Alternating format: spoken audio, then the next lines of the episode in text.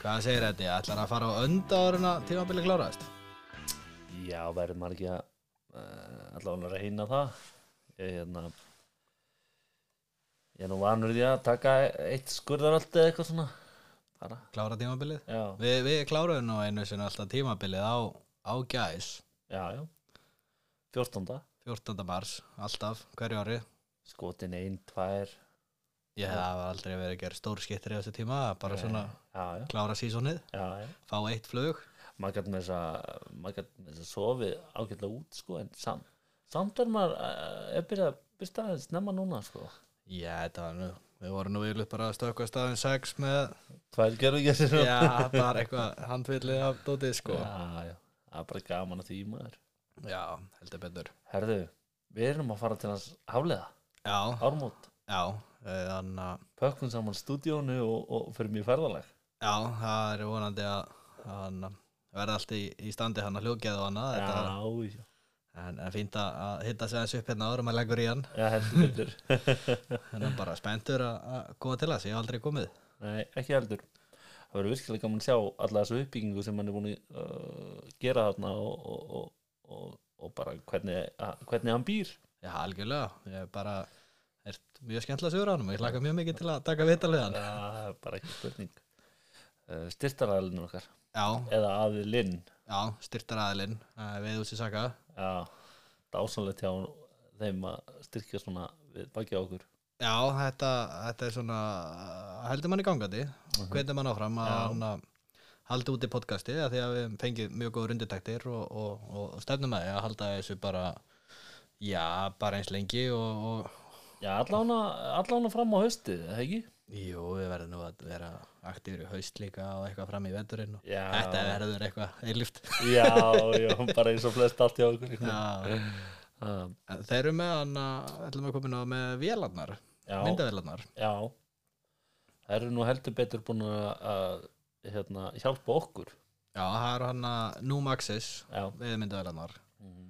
og við erum búin að nota það í hvað núna fjögur ár, þrjú fjögur ár. Já.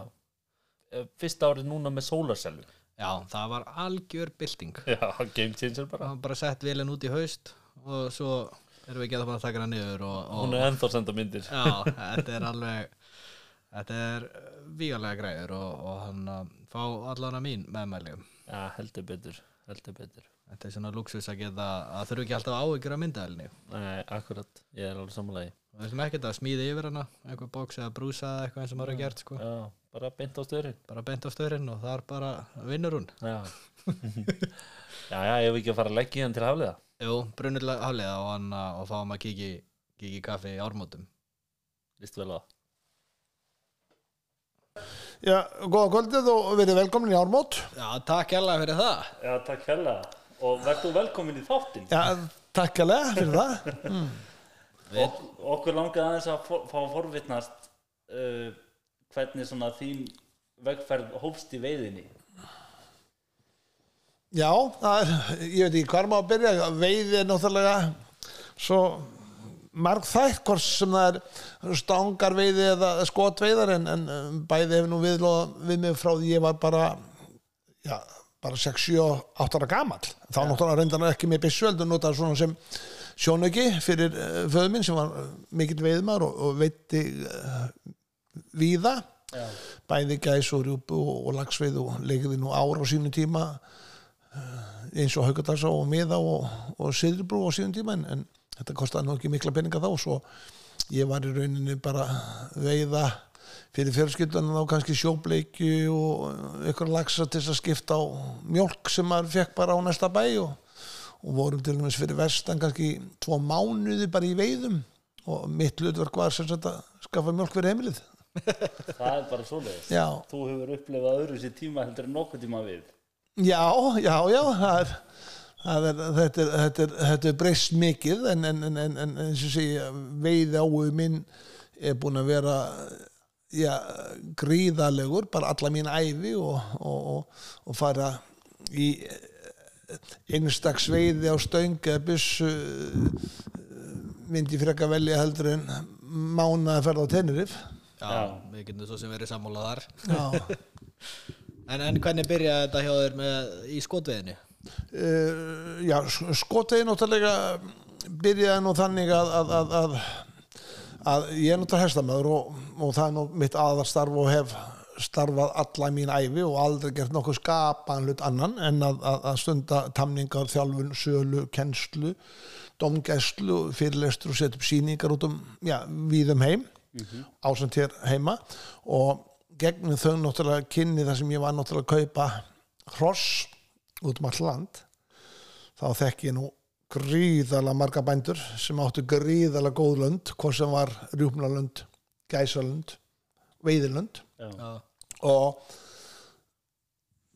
fyrir tengdaföðu minn heitinn hann var nú frangandastöru Hakaus á sínum tíma og, og hestamennskan var nú þannig að, að hún var öðru sér þá þá var nú rosslátin vera úti uh, seint fram á hausti til þess að feta þau og húsin voru köld og illa einangruð og, og þetta var svona í rauninni bara vetrastarf svona fram af vor vori Já.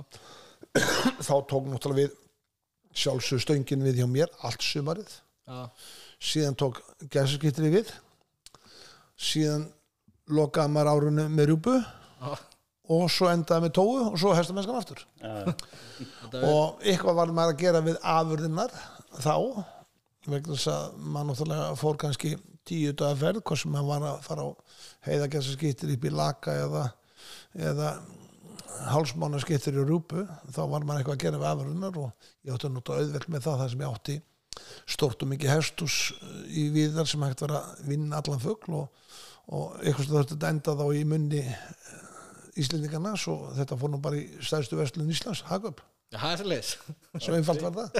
Já, en ég hef aldrei lit á þetta þetta har aldrei verið mín atfinna bara áin svo mikill og, og já, árangrun þá eftir því að, að það því náttúrulega ekkert að skjóta eða veiða nema maður vill nýta það. Og, það mun ég uh, halda mig áfram við vegna ég hef engan á að bara að drepa þetta. Nú bara hjá mér er þetta fyrst og fremst útiveran. Þú ert í keppninu sjálfa þig hversu mikið árangur nærðu gagvar sjálfu þér. Og svo hefur maður bara búið sér til sína svona sín takmörk ef maður eh, nóg í dag þá bara hætti ég og, og, og þetta er ekki magni, þetta er nú bara útverðin og, og sérstaklega eins og með rjúpan og, þá var það orðið mikið félagskapurinn akkurat. Og ég er afskaplega fegin ef ég, ef ég segi enga rjúpu og myndi labba 30 km daginn þá myndi ég bara fara sér svolítið í næstu áfengjum og kaupa mér kampælflöskur ég er svo stoltur að því. Akkurat, en hvernig byrjar svo veiðin hérna í ármótum hjá þér um, fyrst og fremst kaupi ég jörðina um, á sínum tíma 2000 eða 99 kaupi ég hana í samvinnum við uh, fullorðið manns frá Svíþjóð sem er nú látin í dag og við kaupum hann saman í byrjun en, en enda svo sem eigandi á henni fyrir einhvern 10-12 ár síðan. En þessa jörð þekkti ég gríðarlega vel áður ég kaupi ok, bæði kaupi hana reyndar af Gunnari Jóhansinni heitnum sem var nú eigand og fórstöri uh, fóðurblöndunar.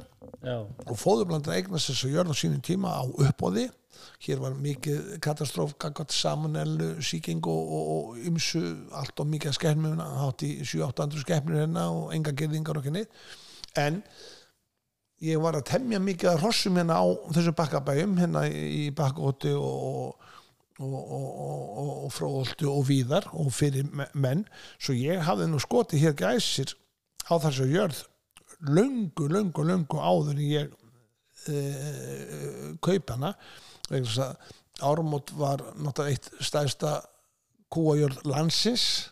Og hér var mikill dugnaforkur Jósef sem byggði þessa jörð upp í rauninu og öll þessu hús sem eru uh, hátt í já, þá 4-5.000 fermetrar en hátt í 7.000 fermetrar í dag. Svo ég í rauninu bara uh, byggi og, og, og ríf allt niður og bæti í og með þeirri hugsun minni að, að þetta var náttúrulega fyrst og fremst hrossarætta jörð nálað við flugvöll nálað við Kauptún nálað við Reykjavík nálað við markaðinn.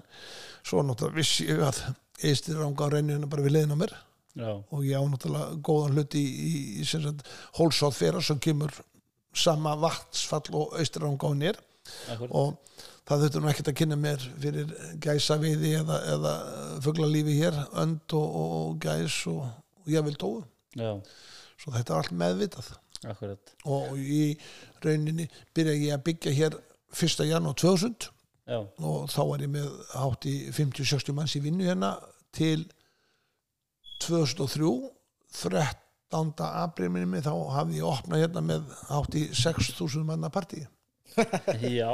Já, alvöru part allir ég man auglýsinguna, ég sett hana ég var nú ekki, ekki mikið í síma þá en þá setti auglýsing fyrir mig af einhverjum manni allir vel unnarar íslenska hessis hér heima og að heiman eru velkomni ármund þennan dag. Og hérna var þessar 24 tíma partí tvær, þrjár hljónsveitir SS-sól og Mótisól og Skítamórall og enda svo er það bara í Íþróttúsi upp á Kolsvilla sem ég legði Já, og uh, hér var uh, mikið, mikið, mikið húlum hæ og mikið gleði og, og vín og matur fyrir alla.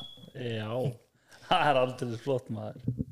En hvað, hérna svo ferðu út í þessa ferðarþjónustu með gesaveðina Já, ferðarþjónustan kemur mjög, mjög seint Ok. vegna gæsa við þeim að byrjuð uh, hjá mér persónlega og mínum vinum. Aðala, aðala mínir vinir. Ok. Og, og á mikið að vinum og félögum sem hafa gaman skjóta og ég saði nú bara við sjálf mig um, það var nú afskaplega um, illa gert og illa hugsað að mér ef ég væri að kaupa jörð engangu fyrir mig. Þar sem ég ætti nú ekki fuglinn í loftinu heldur við Íslendinga ættum hann. Og ég veit nú leifa öðrum að njóta þess að að, fá að taka þátt í, í, í þeirri veiðu og, og, og þeirri útvið sem fólk hefur gaman af að stunda. En þetta hús sem við setjum í hérna 540-500 gístjúsi sem að segir þetta hefur bara aldrei verið notað fyrstu tíu árin. Já, ekki eins og ég hef aldrei sofið inn í þessu húsi. Aldrei ok, og ætla mér ekki að gera það? Nei, þetta uh, stóð aukt eins og er í dag eins og lítur út. Og hérna var ég engungu bara með jólaböð fyrir börn og, og maka og eitthvað tvö, þrjú svona uh, partí ári og búið. Já, Og- ok. það hefur ekkert breyst hér, jú, jú það er náttúrulega búið að mála og, og setja aðra innlýtingar öllít en en húsið hefur alltaf verið notað svona. Síðan er það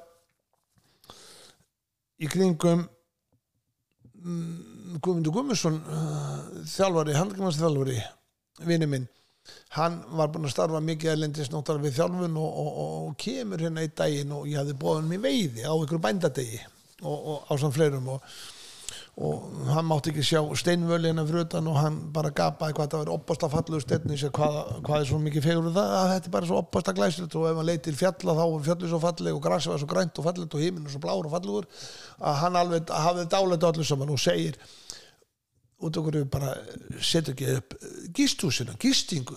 Ég nenni því ekki að standa ekki helvitis gistingu. Svo enda með því að ég segi bara venn setja þetta í gang, það er tilbúin.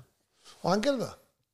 Já, ok, og þar með byrjaði þetta uh, gæsa veiði dæmi þar að segja að bjóða mönnum upp á gistingu morgumat gæsa veiði og svo brönns já, og þá fór ég náttúrulega átt að með því að þá fór ég að taka móti útlendingum og stærri hópum sem voru hérna einn, tvo og þrjá og fjóra daga. Já, Svoleiðis byrjaði og, og frá því vegna þess að, þó að sé mikið að gera í gistingu hérna og yfir bóka hérna mæ sko yfir bókað ég reyndar ekki stórt, þetta er nú svona einirkja búskapið, þetta er 22 einingar. Já, þá er hérna næstu yfirfullt frá mæ til 10. september. Gæti verið lengur, ég bara loka húsinu alveg. Þá er ég bara komin í gæsaskitri og hefði því út til svona 15. november já, ég bara loka alveg á alla gesti vegna þess að- ég vil get ekki verið með eh, gesti frá Ástralíu Nýja Sjálflandi og svo bara koma að vakna menn hérna kláðan fimm á nóttinni eh, með byssur og ég þarf að setja sexjóli í gang og, og, og fólk kemur á misjöflu tíma á kvöldin svo það passa ekki saman. Svo ég er alveg tilbúin að forna öllum þessum bókunum á útlendingum fyrir gæsveðina allt fyrir gæsina. Já, allt fyrir þetta stókast áamar sem við Íslendingar og, og fleiri höfum að, að, að fá að vera út í náttúrunu og vakna snemma og, og, heyra á mófuglin þar á stað og, hrafnin fljúa og alltinnar og gæsin og öndin og tóðugaggið og þetta er bara unnarslegt þó við séum ekki að velja veðrið eins og margum myndi halda. Við viljum hafa eins ógislegt við eins og hægt er. Já, það er frábært mesta veður. kuld og mesta vind og mesta viðbúin en, en, en við látum okkur hafa en þau eru vel klættir og, og vel byrðir. Er, hefur hann Guðmundur komið til inn á skittri Nei, sem betur verið ekki vegna hann er balvað að klaufa á byssu, ég er alveg vissu það. Hann getur selja að drepa þér bara með handbolta.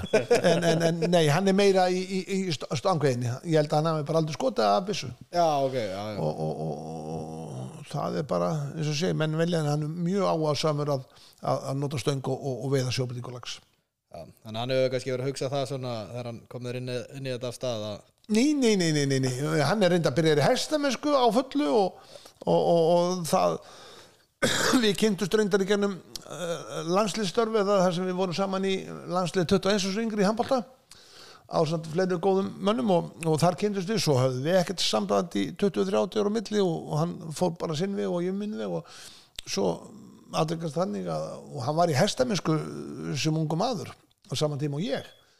Og, og, svo bara kom hann hingað og þetta, ef hann sá hrossina þá var þetta svo fallegt og glæsilegt að að það enda með því hann bara byrjaði í hestamennsku kefti eina fyrstur af mér helming af mér á móti. Og ég held að neyja orðið tíu hross í dag og bara er alveg sjúkur. Og dóttir hans komin í þetta líka hún var nú að keppa á fyrsta móti World Cup World Tölt móti í Danmörku og komst þar inn í áslut og hún er 15 ára gömul.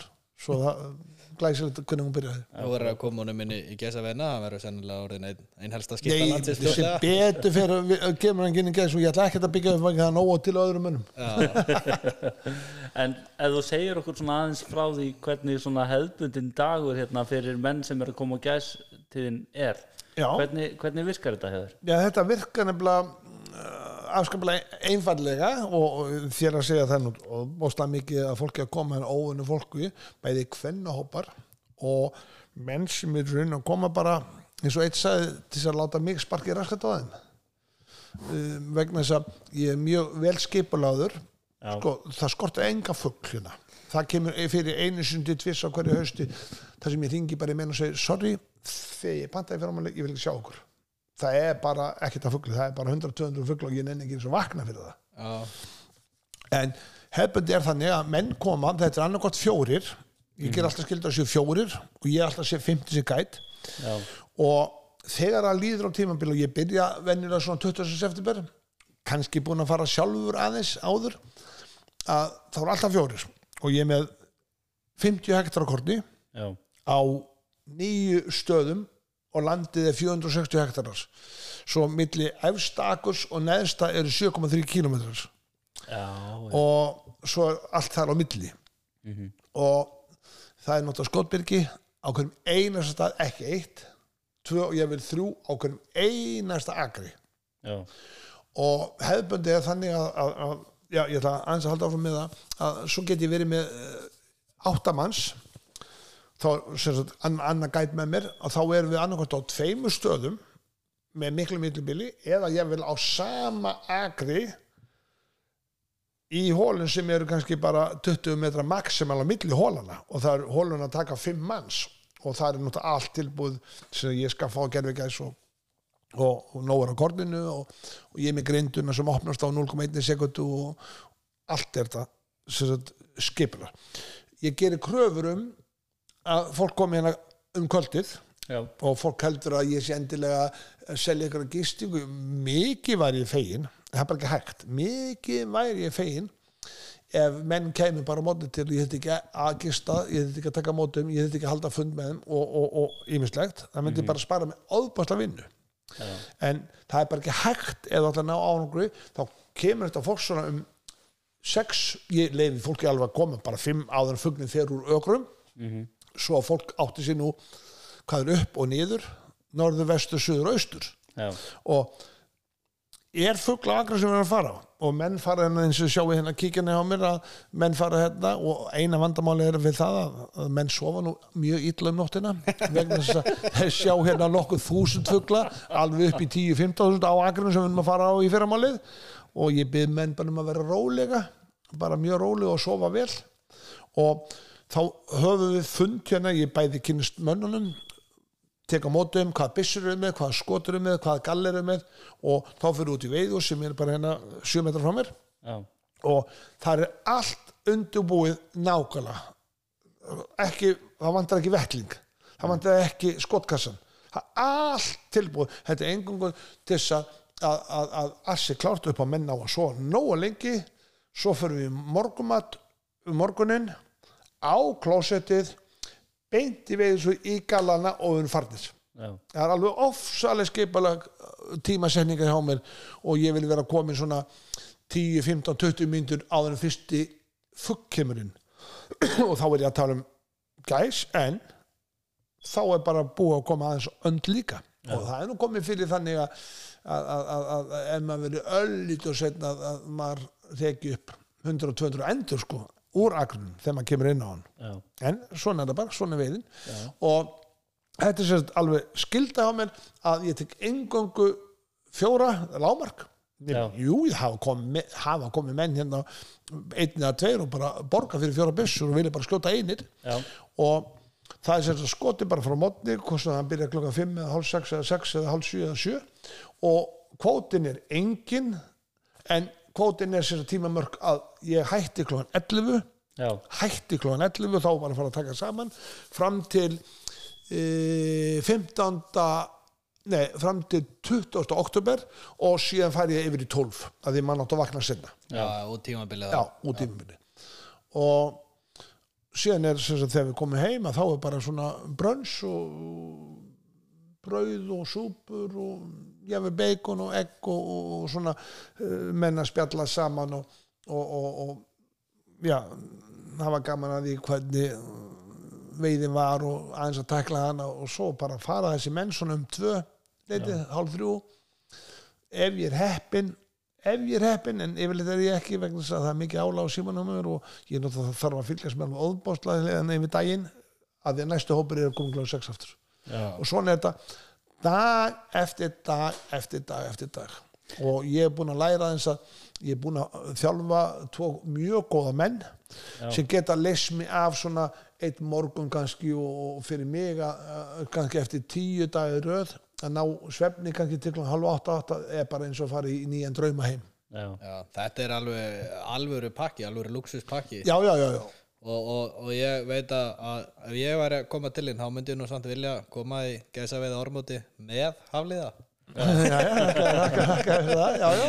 og það er náttúrulega óbúst að margir sem er að koma hennan og þannig vegna þess að, að, að, að, að já, þetta, þetta er rauninni ekki já að segja, þetta er bara gott nánski fyrir fólk vegna að hér er koma alls konar menn og stund að gæsa veður í, í mörg mörg ár og ná kannski mest þremur og, og þó farið sé uh, austur í uh, Suðursveit eða, eða kringum Krikibæklaustur eða Norri Skafjörðu eða Mývatn og, og ég segi já bara þá hefur ekki þurft að kaupa ykkur svarta plassbóka bara nóður með hakaspóka sagði það er alls konar svona en, en, en er mjög gaman og ég vera allskaplega heppi með ofbært gott fólk og, og, og eins og ég þarf nú ekki að taka fram að hér náttúrulega vín ekki leifilegt, vín og veiði fara aldrei saman Nei. og, og, og þó að menn komi hérna kvöldi til og mikið að menn fái sér rauðvínsglas og bjór og svona en, en ég er náttúrulega verið með útlendinga á sínum tími svo rússan og ætla sér að vera með ykkur á vodkaflösku, hvað hjálpi mér bara, það var bara tekið og sturta niður í klosti fyrir framan ef á þeim.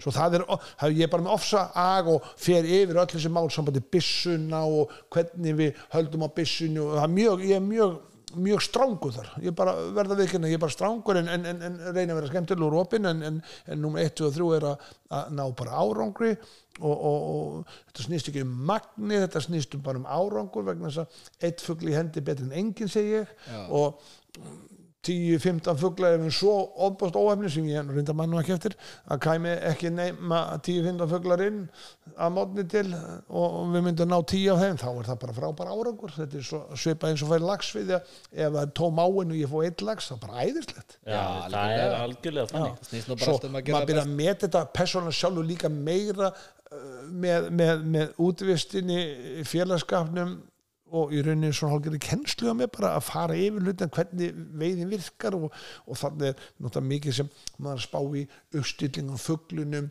veðrið hitastíð uh, hvernig hún hefur hegðað sér í gær fyrra dag og dagi þar áður hvert er uh, flugið áni í hvað átt er hún að fara á hvaða á er hún að fara, er hún að fara að hólsa þverra eða östurbakka, vesturbakka eða er hún að fara niður í á sanda eða er hún að fara á skúnstaðavatni eða hvert er hún að fara og, Þetta- og hvaðan er hún að koma? Já og hvað er hún að koma? Akkurat. þetta er uh, mikið mikið mikið hugsa um baku en, en, en, en, en ég verð eins og segja það að, að, að árangun er mjög góður. En mjög eru, verða menn ekkert hissa á því hvað það eru miklar pælingar á bakvið eitt skittir í Jú, menn ég, ég hugsa sumir átt að sjá á þessu vegna þess að náttúrulega hér er nú bara klukkutíma fyrirlistur á kvöldi til og, og náttúrulega í blanda svona dálítið með skemmtilegu sögum og, og, og veiði og við förum út og spurnum þá bara hvað þeir að vera að veiða og hitt og þetta en en, en, en, en ég held að aðrir uh, reynilega bara átti sig ekki á því. Nei, ég held ekki, ég held að menn haldi bara þetta sé bara byssa skot og galli og út og inn. En, en þetta, er, þetta er allt öðru sér og það er alveg saman með lagsveiði minni, minni, minni þú kannt ekki að lesa vatnið og, og lesa ströym og, og, og hvenær flóð og hvenær stæðstu ströym og hvenær jánsmjöströymmun og, og, og rigningssól, rók, vindu, gára bára, halló. Þetta, þetta, veiði er bara, þetta er sem rjúpuna líka. Já, já.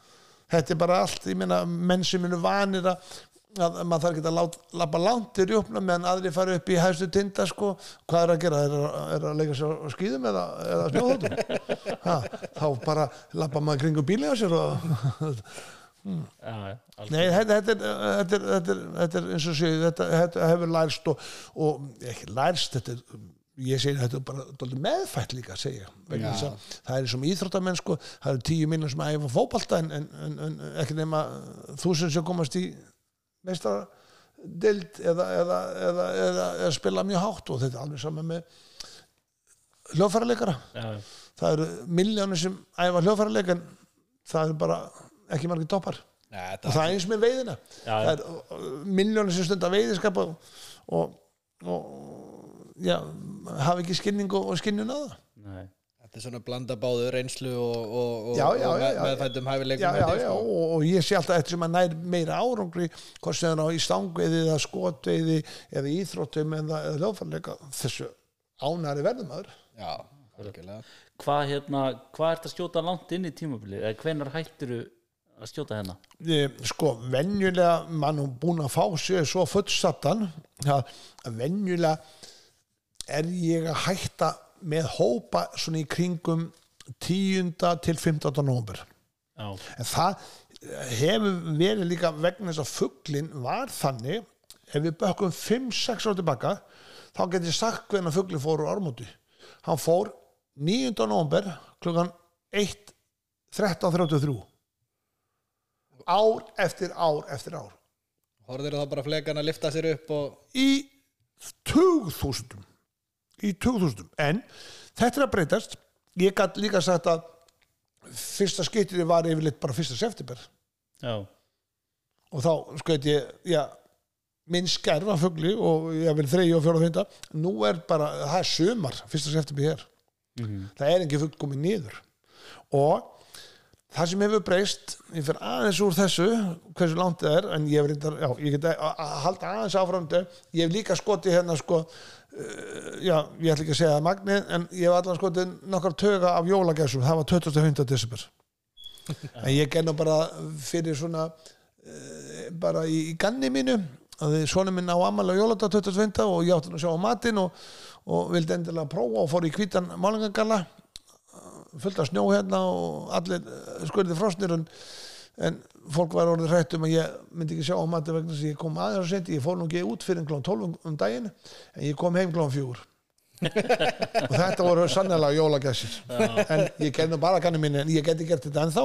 Það nú tóldu eftir snjólugum og, og kulda. En venjulega sem sagt, var þetta áður fyrir fyrr.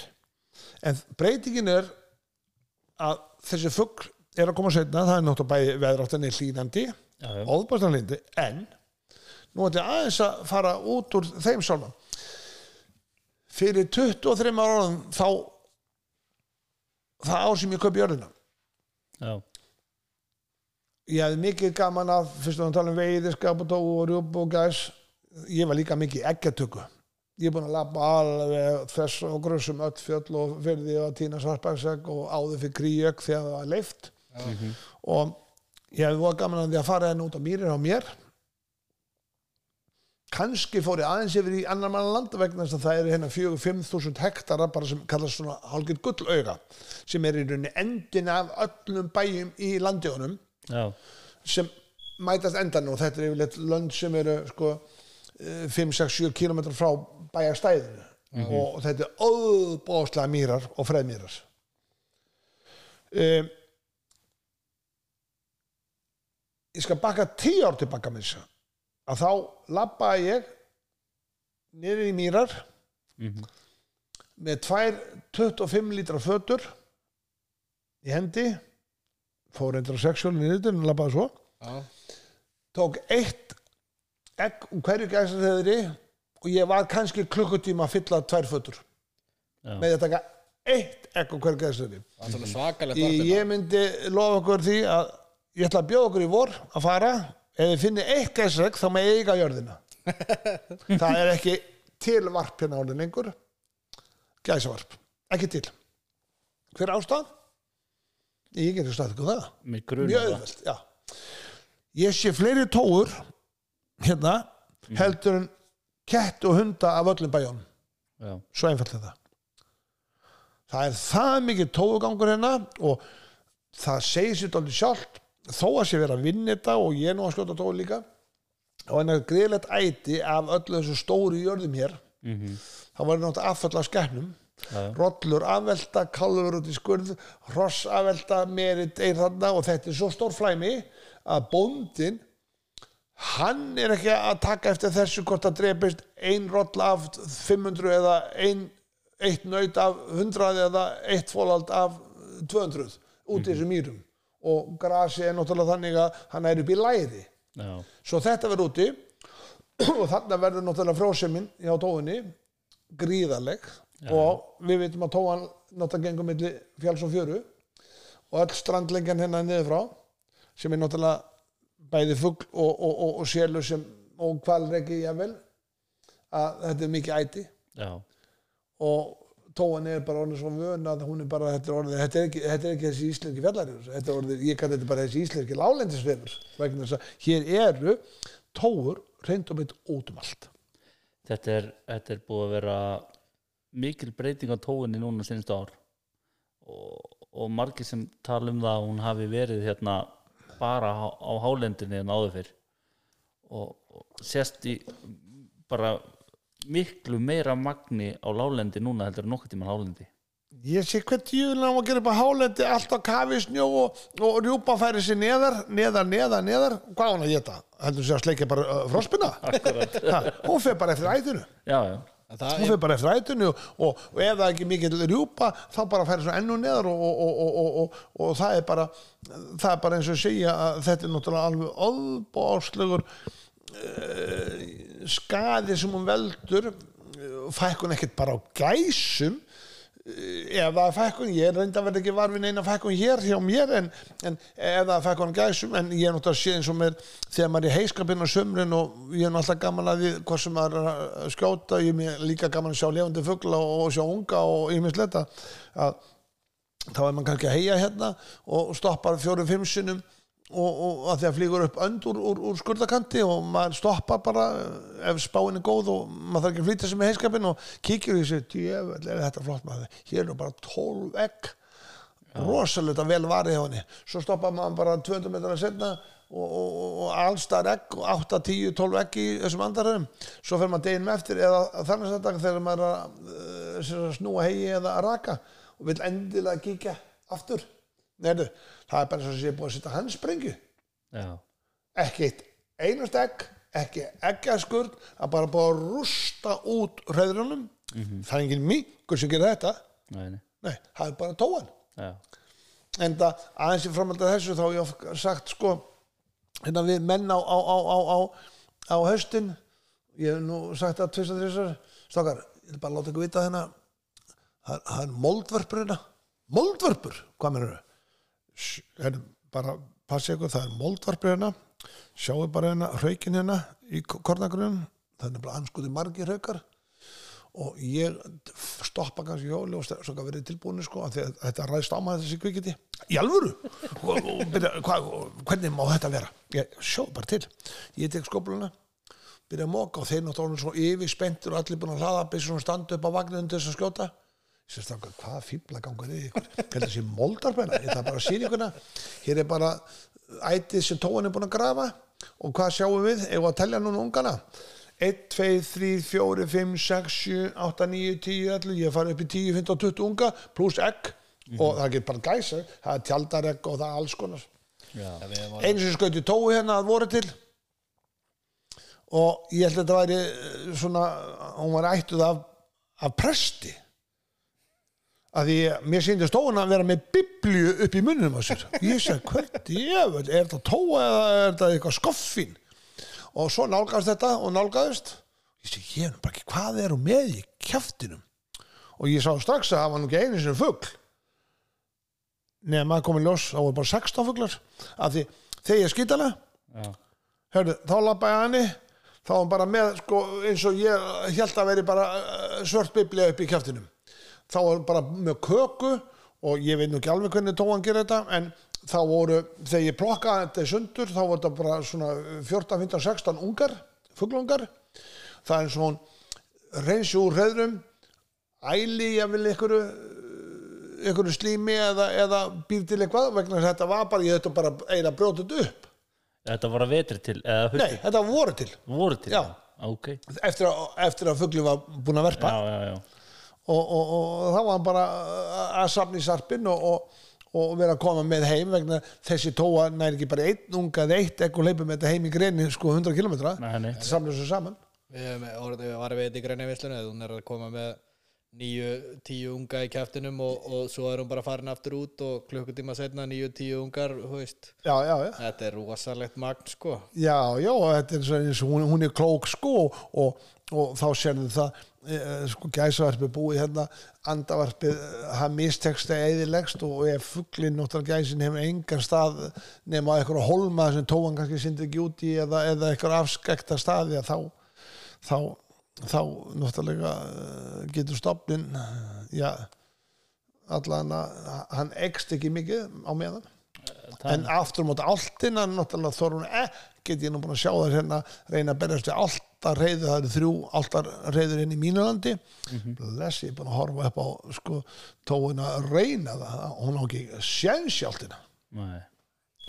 Ertu, ertu hérna að fylgistu rosalega vel með þessum uh, reyðurum sem eru hérna í kringu ég, það er bara ganni mín ef ég rekst á það, ég er náttúrulega ekki tíma maður er náttúrulega að gyrða, maður er Já, já. að fara út á mótnana þegar maður er kannski með fleiri tugi mera sem er að kasta og maður fer út sent á kvöldin og, og það er nú af því og ég menna að maður náttúrulega er Er, er, er bara veiðum að döðans og ef ég sé hrafn á flugi eða sé svartbak á flugi sveima þá veit ég hvað er undir, það er eitthvað dött eða, eða, eða er að deyja. Já. svo einfalt er það.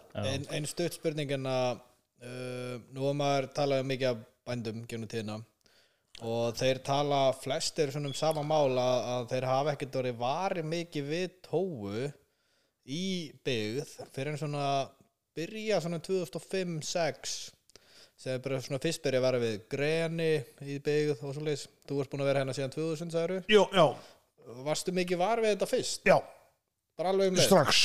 Ja, e, e, e, kannski ekki fyrsta ári, eitt, tvö ára því ég var nú bara að byggja hérna sko og maður náttúrulega uh, náði bara ef maður fekk klukkutíma svefn þá var maður fegin á notan. En eftir það þá sá ég náttúrulega strax út að fækkum mér og búst óeðlegt með, með gæsavarpið sérstaklega vegna þess að í mínu landi náttúrulega er að svona uh, rís villi, villivíðir og villirís.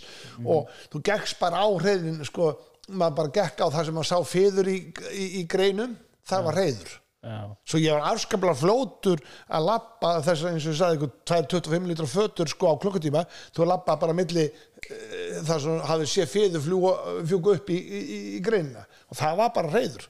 Og þú tókst já, jú, ég, eitthvað tíma kannski tók ég tvö egg af, ef ég sá það alveg glæni í en, en yfirleitt var þetta bara eitt egg úr hreiðri og en síðan bara fækka þessu alveg rosalega upp úr því. Og ég man að síðast ég gafst nú upp fyrir einhverjum 6-8 árum síðan þá fór nú eitt rúnd helvið góðar og bara nota sem svona útvist fyrir mig og ég, ég lappaði 5-6-7 tíma. Ég fann tvö reyður fann tvö reyður á öllu þessu svakalegu svæði.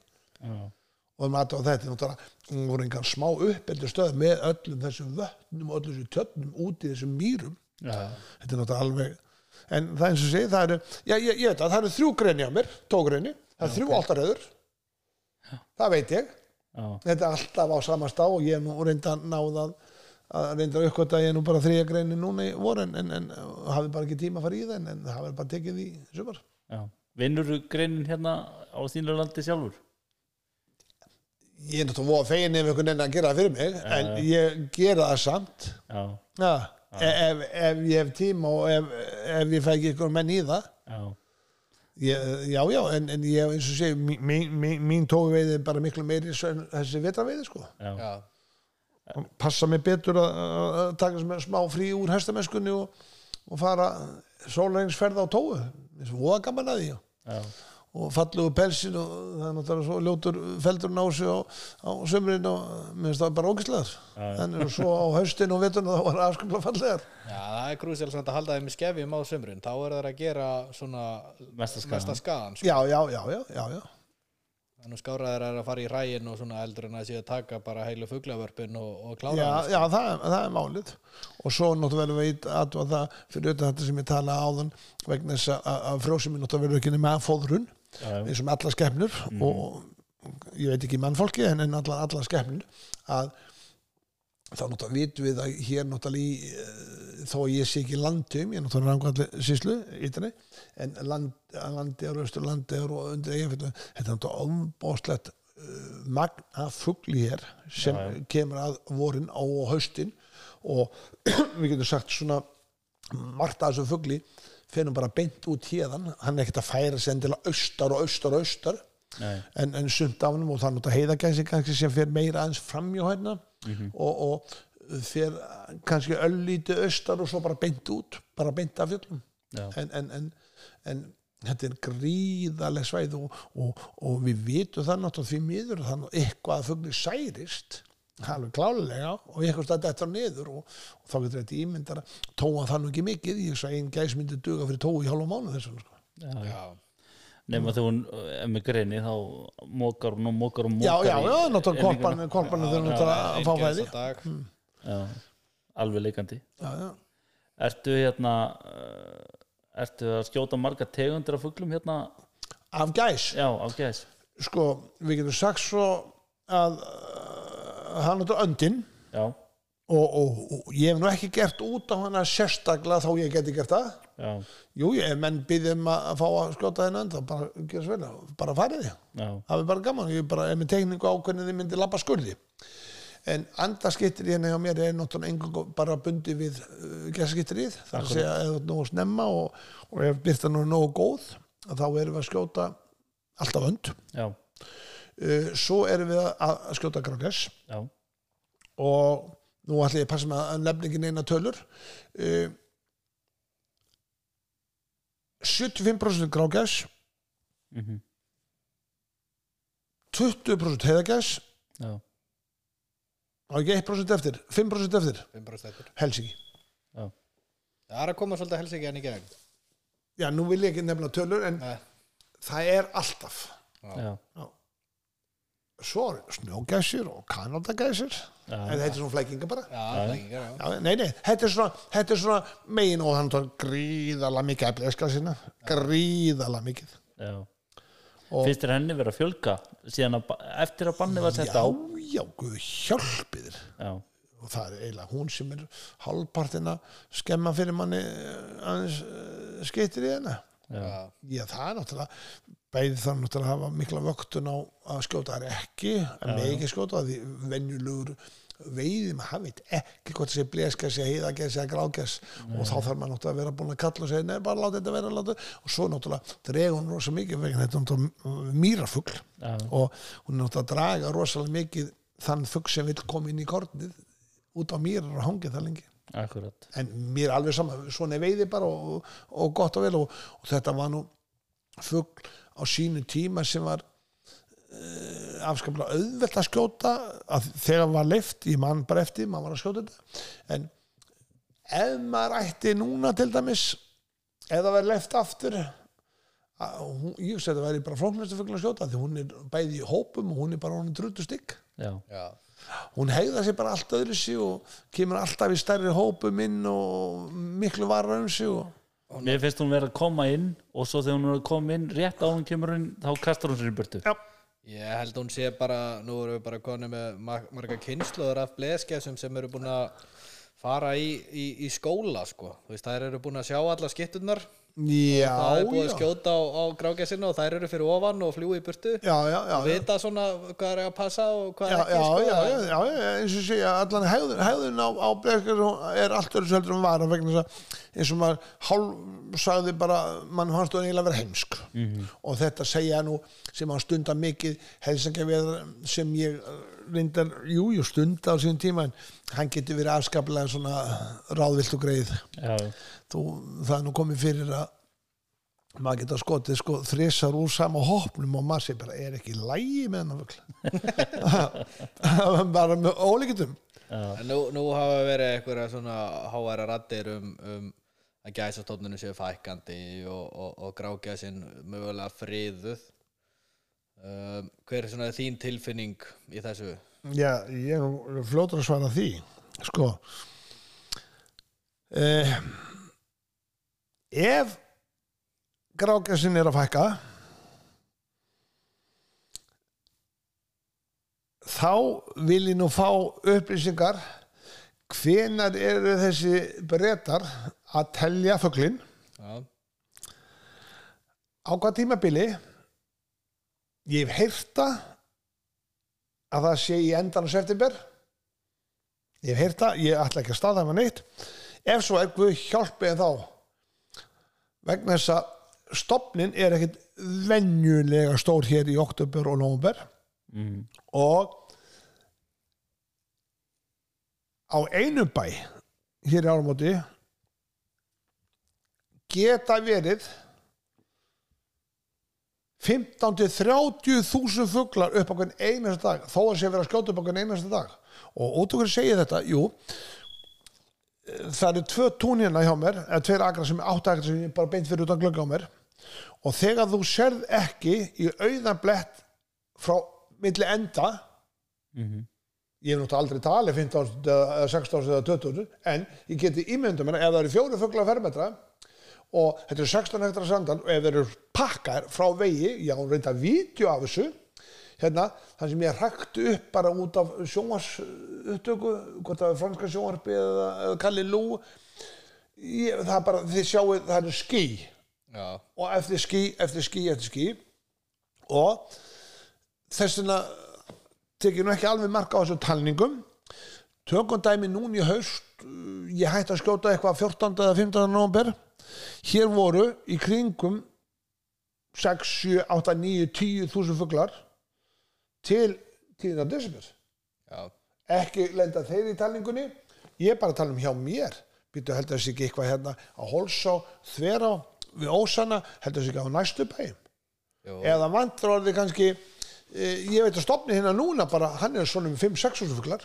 Ég veit bara af því á þessum tíma hann veit ég bara af svona um 20.000 gæsum sem voru annar staðar en hjá þér sko. Já, já, já, já ég, ég, ég segi það. Og ef, ef, ef, ef, tamningana fara svona fram þá bara lítið að marka það. En ef fækkun er sem náttúrulega er þá reikna út af einhverjum vísendumönnum og, og ymsu og ég ætla ekki að- neita því eða, eða, eða janga við því að þá vitum við náttúrulega hver mesti skadvaldurinn er.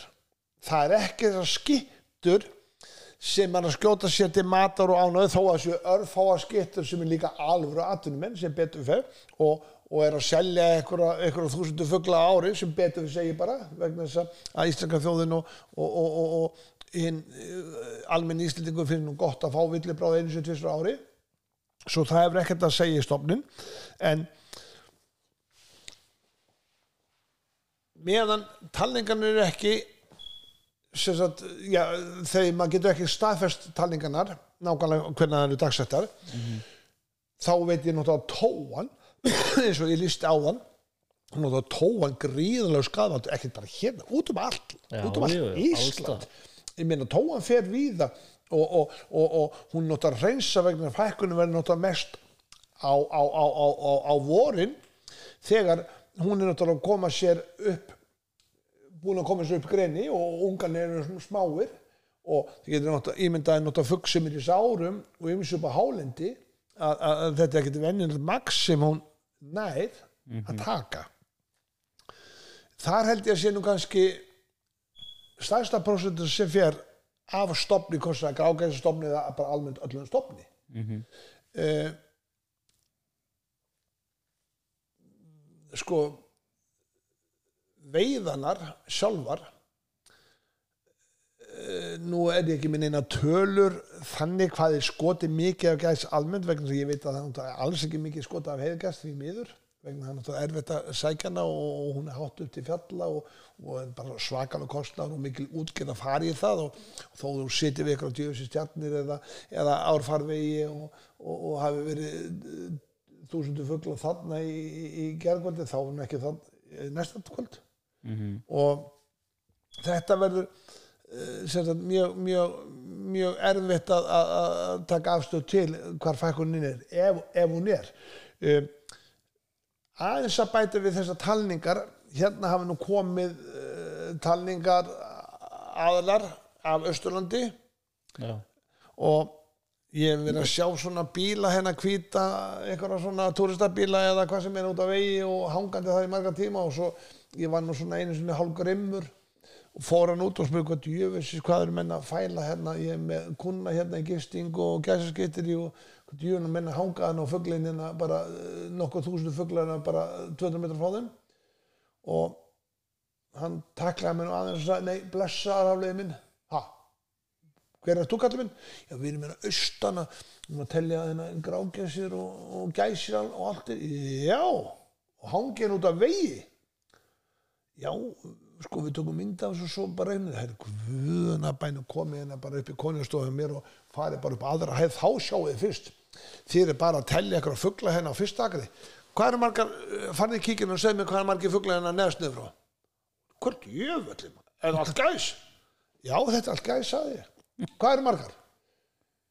Já, ég veit ekki. Já, ég myndi segja að það verður svona 5-6 sjúsund. Kiktu núna til hægri á akur sem er hann niður frá, svo sér ekki frá vegi. Hvað er það sem margir þar?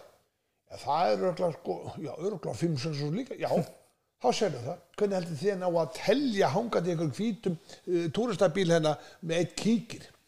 Þú vill telja, teldu helst áttina fyrir mig og ég get sagt þér hvað það er margar þær eru sko 5-10 þúsund þá áttu bara að vera hérna á kvöldin hérna leiðu bara minn þú getur þóst verið að horfa á laxa en þá sérðu allan fugg sem að koma á nástað og taktu mynd af því og segðu mér svo. Já, það er alveg talning. Já, en ekki uh, ykkur stað tímabundið einn klukkur með tveirum miðjan dag. Og alltaf þú horfur nú akkur á ein megin regla þú sér bara 50% af fugglum vegna þess að 50% er einhvers stað út á tjötnum í þetta sand út á eyrum eða út á. Mhm.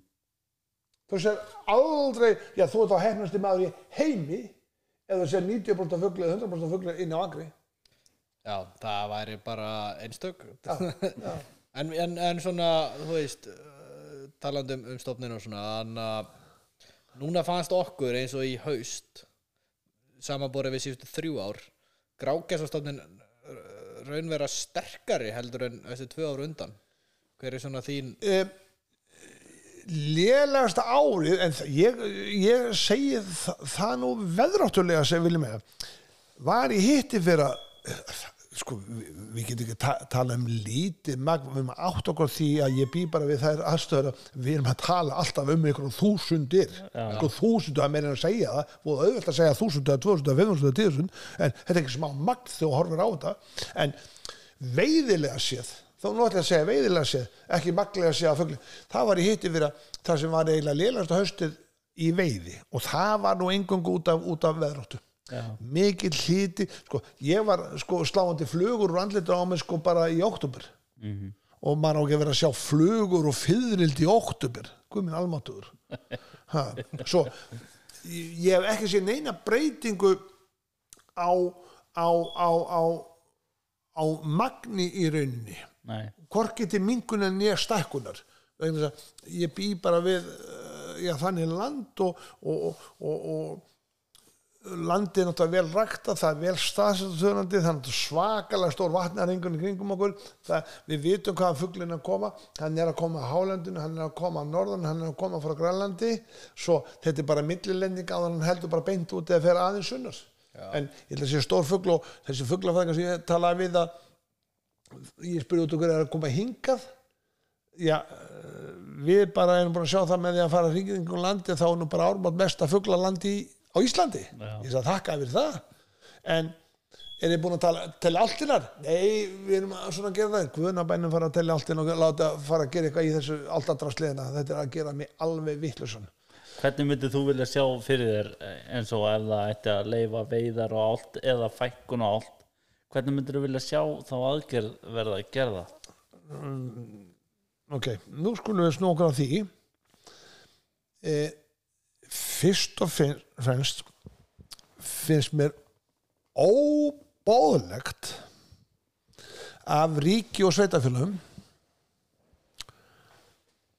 að taka peninga úr ykkar vössum og þjóðinnar til að styrkja og bæta skaða til bænda út af korni og nýræktum. Bara skömm.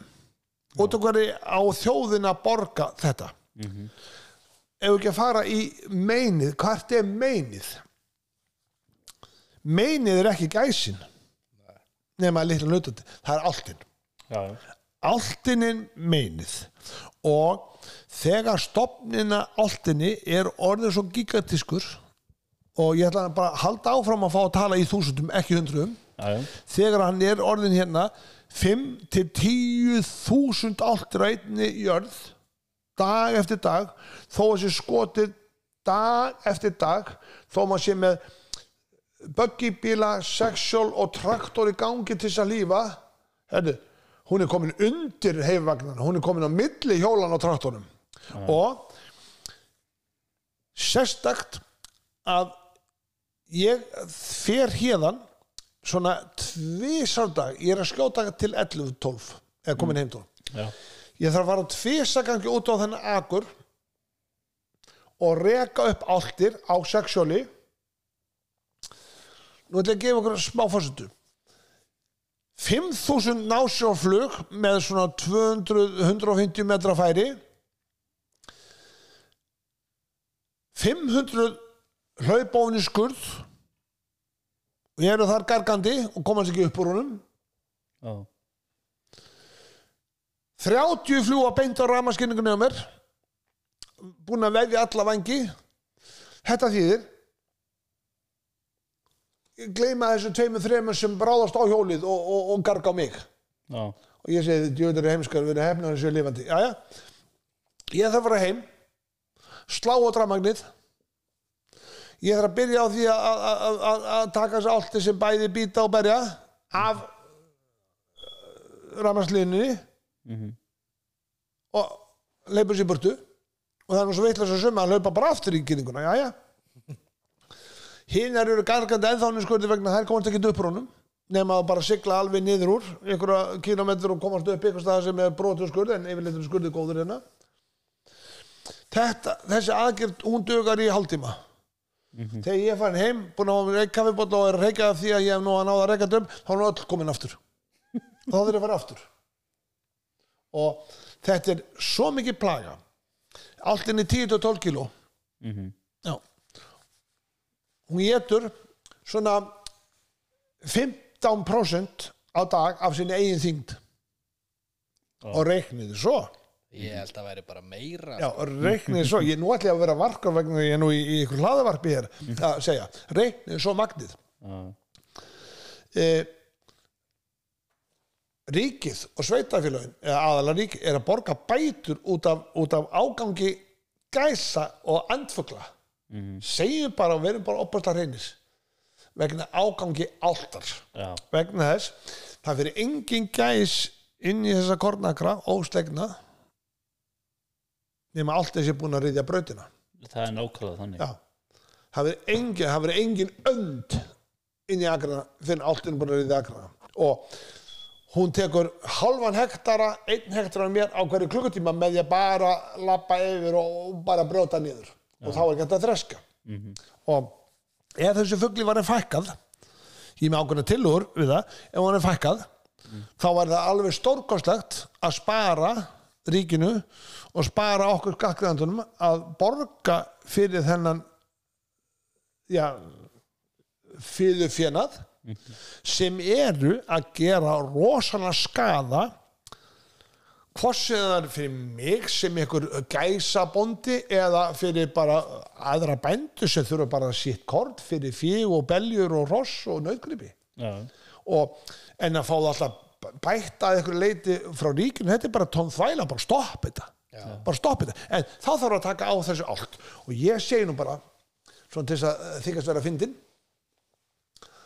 eh, hvað er að skeð hvað er svona viðkvæmt með allt. Og út hverju tökum við ekki bara okkur eða ríkið og býr til þá ákveðna reglur og lög um þennan fugl? Vegna þess að ég sé allt er gott í hófi og að vera með of mikið af tófu eða of mikið af mink eða of mikið af allt þetta er vargur sko. Já, já. eða of mikið af hrafni eða of mikið af, af, af, af má. Þetta þetta er skadvættu gangað öðru í, í dýraríkinu og ég held að viðkvæmnin sé að Margrét Dænadróning lísti yfir á sínum tíma að allt er væri ferustu fugl Evrópu. Mattias Jökulsson hefur sann mörg kvæði og ljóð um alltina við vitum líkum ég veit bara ekki hvað maður heitir en Svana dansin já, einhver frægasti ballett sem saman hefur verið. Og hún okkar frábæra sönguna Björk Guðsdóttir hún var í bara alltaf búning þegar hún gaf út sína bestu blötu og ég held bara að þetta sé orðið svo viðkvæmt að það með ekki gera neitt við alltaf en að öllu ganni slettu, slettu að þá er þetta mesti og stæðisti skafaldur gagvat bændum og jarðarækt í dag, það er alltinn, það er ekki gæsin. Að því gæsin hún, hún högur undan og, hún þór ekkert inn. Ef það kemur eitt skallabrettur á kornagurhjámanni að það hafi stiplast bara fyrir sáningu þá er allt komin inn. Og ég er búin að gera svo marga tilraunir hérna að reyna að fæla hann frá. Það er ekkert aðeins mögulegt nema að reyna að fækka hann og sko skotkvellir en byssa hefur ekkert að segja. Ekki neitt. Nei, nei. þó hún myndi lappa að þeim sko, og komin í 50-60 metra færi hún myndi bara lappa á móti þér. Það er svo mikið að, að haltu leiði blindan og blindu leiðir haltu þessu þau stiði bara hver aðra og þeir bara, lappa á móti þér og, og þetta er svo mikið þetta er svo mikið öryggi og hún er svo frek. Við höfum prófað að girða sko yfir agra. Já, já, strengja yfir agra. Henn er alveg sama. já, og hvort er betra að setja þetta inn í einhvern lagalega ramma einhvern pakka heldur það sem ég veit mm.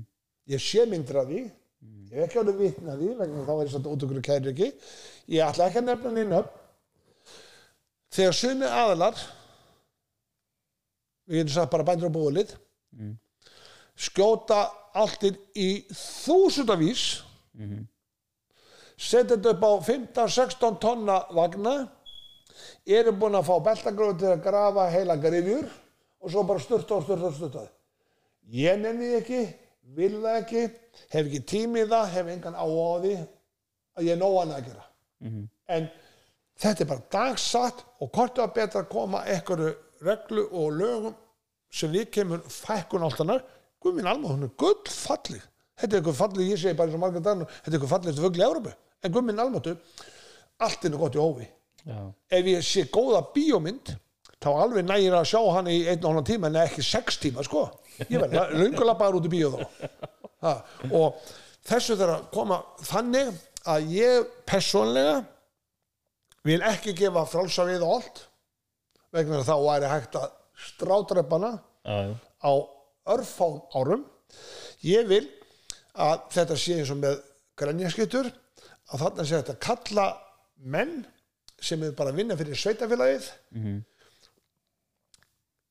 þeir þurfa að bóka allan fugg hver fækkunum er á þessu bæ það er þetta að kalla í það það sem er mikil uh, mikil ágangur alltaf sem er náttúrulega gríðan mikil hérna á mörgum bæjum á Söðurlandi og jafnvel fyrir vestan, jafnvel fyrir austan og norðan þekki það ekki alveg. Og þetta sé bara haldið bókardöndunum um það að það sé þetta kalli þessa menn með eitthvað fyrirvara og sagði, herðu, nú vil ég að þið komið. Ég er sammálaði þessu. Og þá er þetta skráð niður eitthvað þarf maður að gera á já, Býtu, það því það, nú má ekki grafa fugl, það má ekki grafa skemmir þá þarf að koma upp ákveðinu brennslukerfi. Allar fólk að geta þetta, ég hef engan á að geta þetta, þó að sé örgla hægt, en eitthvað þarf að gera við fuglin Mhm. og, og, og, og, og, og, og það er nú bara að skjóta og drepa. Það þarf að taka þetta þú ætti að vera náttúrulega með af, afskaplega uh, öfluga bíla og, stóra vagna til þess að koma þessu frá. Já, já, og svona vil ég að þetta sé sér gert í, í samræðum bara búið til uh, nýtt regluverk í kringum þetta. Og, sveitafélin hvers uh, já, hverja sveitar eða reps sé stjórnandi á þessu Já. og þá er þetta að halda utanum þetta vegna þess að- að ég hef engan á að, að þetta sé gefið frálst og, og, og, og, og þá ég hugsa að tækja ekki mörg ára að- kottvarpa stofnunum Þetta væri mjög sniðut fyrirkomlag sérstaklega að maður hefur séð hérna sérstaklega hérna Sunnulands að, að það er oft bara eins og tún og agrar að hafi bara hreinlega snjóað á, á, á tvo, þrjá staka agra af því að þeir eru bara gjörsanlega hvítu þaktir af allt bara eins og þú segir Já, ég, þúsundir. ekki svo svar og ég bara segi eins og eins og minn nýrakti sko að, að, að, að, að þetta er sko, það er náttúrulega gæsi reynda líka á, á vorin. Já, já, í nýrætt vegna þess að það náttúrulega er svo lággrasið og, og þetta magn, við erum ekki að tala um ykkur 20, 40, 50, 100 gæsis við erum að tala alltaf í þúsundum. Já, og þetta er bara ónýtt og fyrir mig að sá eh, sem þeir nýra búin að plæja tæta uh, pinnatæta valta, sá valta, bera á. Býtu þetta er bara bullandi kostnar og láta fugglin skemma þetta alveg, það bara gengur ekki upp. Nei, og, er, og þá er gæsi komin inn í dæmin að vorum til með, með alltinni já, hvað finnst þér núna núna er heiðagæsastofnin hérna á Íslandi alveg já, sjaldan verið talin jafn sterkur eins og núna bara talin í hæðstu hæðum. Um, finnst þér eins og þú nefndir á hana mjög erfitt að sækja hann upp á hálendi þetta er rosalega mikið svæði. Finnst þér að þetta leifa eins og kannski heiðagæsa veiði viku tvær á, á vorin til aðeins að svona halda þessu í, í hófi ég persónlega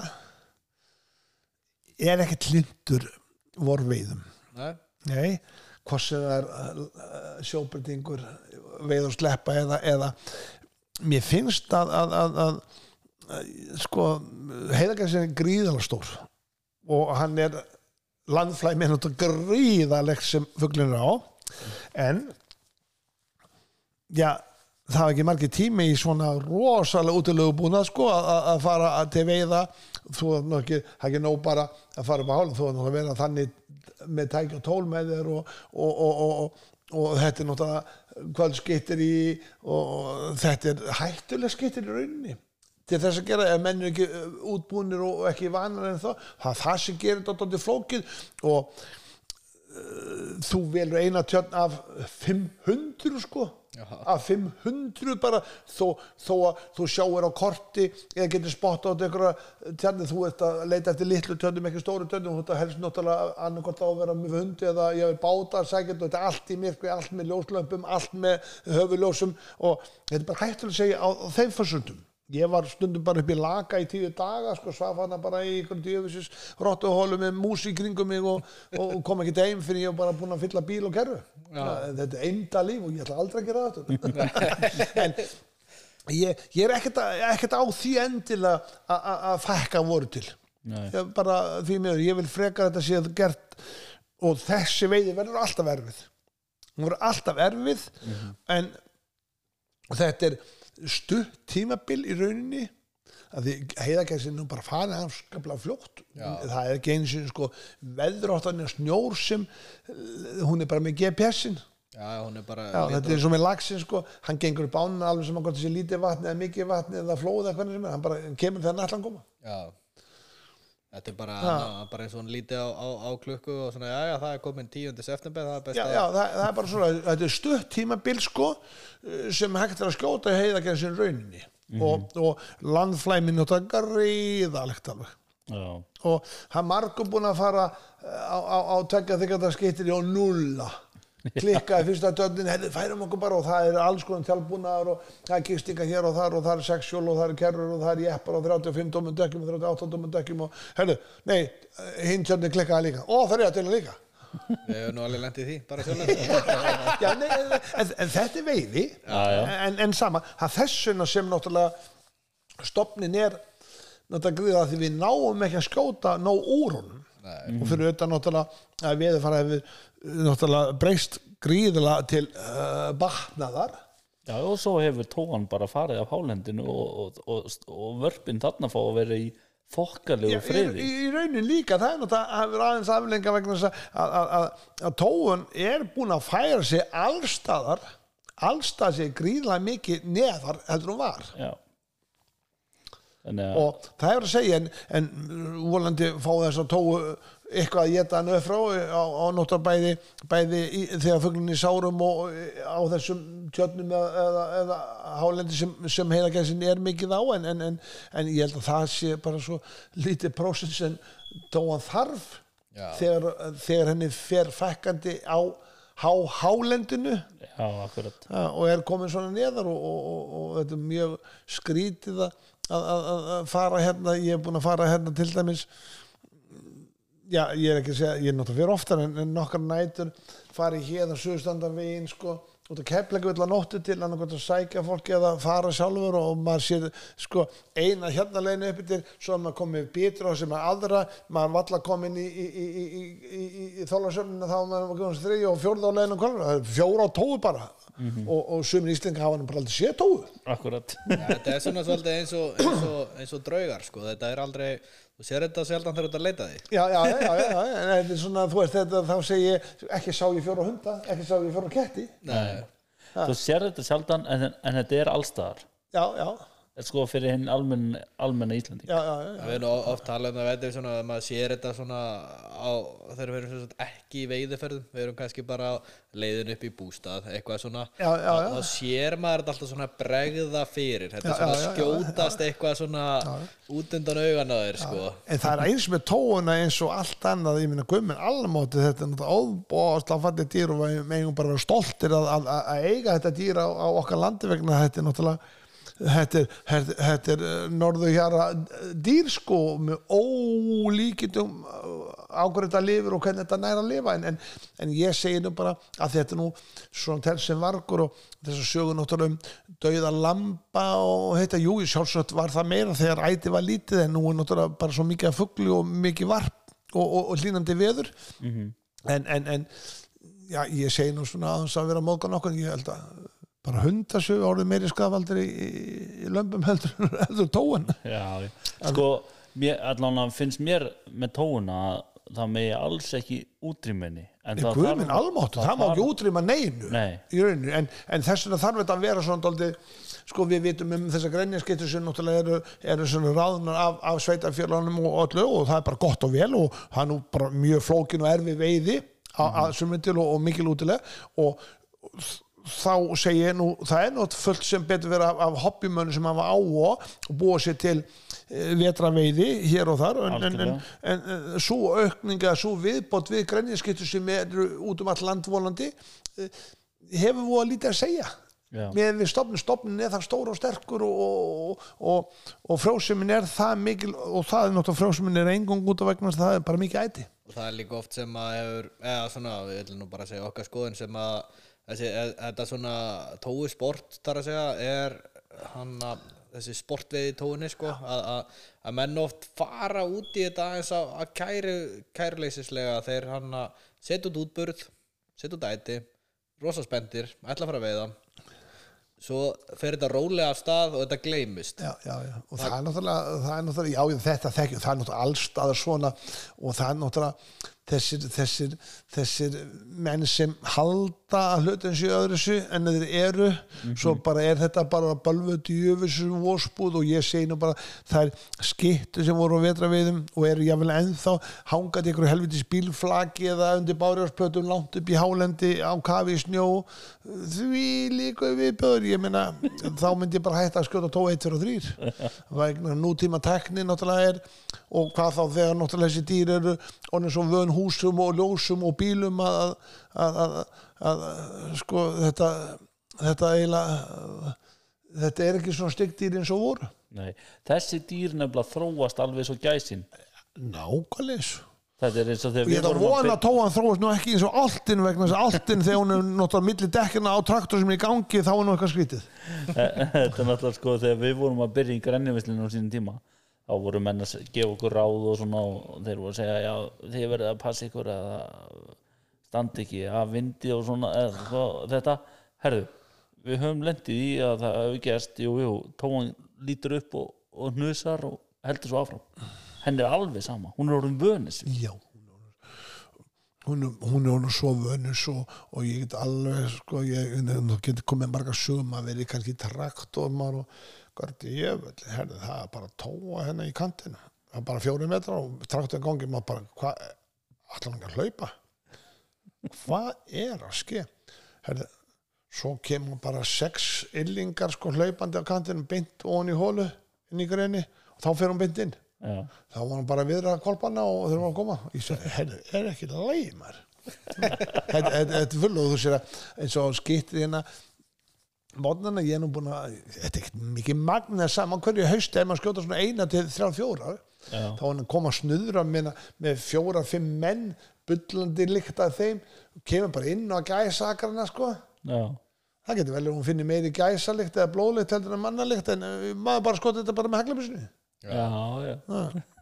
og kemur bara inn í uppstiltinguna skemmtileg viðbót. Já, það er heldur betur. Nei, nei, þetta er eins og sé, það er margar dagar en ég hef enga, enga trú á, á, á, á eins og með sé, einhver bóð á bönn eins og með þess að stopna að, að, að, að fyrst og reynir náttúrulega er náttúrulega aldrei hægt að setja eitthvað stopp, eitt fyrir og þrý það þarf náttúrulega mikið undirbú, undirbúning og ég held að þurfa að vera miklu raunhafari tölur um fækkun eða fjölkun og hvað stopninu stór vegna þess að ég tek ekki marka á þessari talningu í Bretlandi.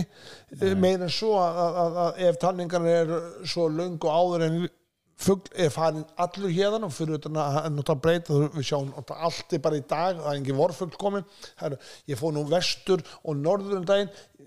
Ég taldi hundruð allt á leiðinni, hundruðu. Já. þetta er bara eh, nýtt dæmi hvernig fuglin er að breytast og, og halda úti vetursetu hérna á Íslandi.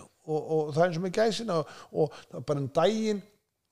Jæja, það er nú það var all- allan í janúar, ha, þá voru eitthvað um 2000 fuglar sem fór inn í korðakonsins uppistandandi eða hálffallin að gæs hérna í árumóti ég, meina, ég veit að fuglin er hérna nýri þykvabæ og hann er þannig á öllum ósum.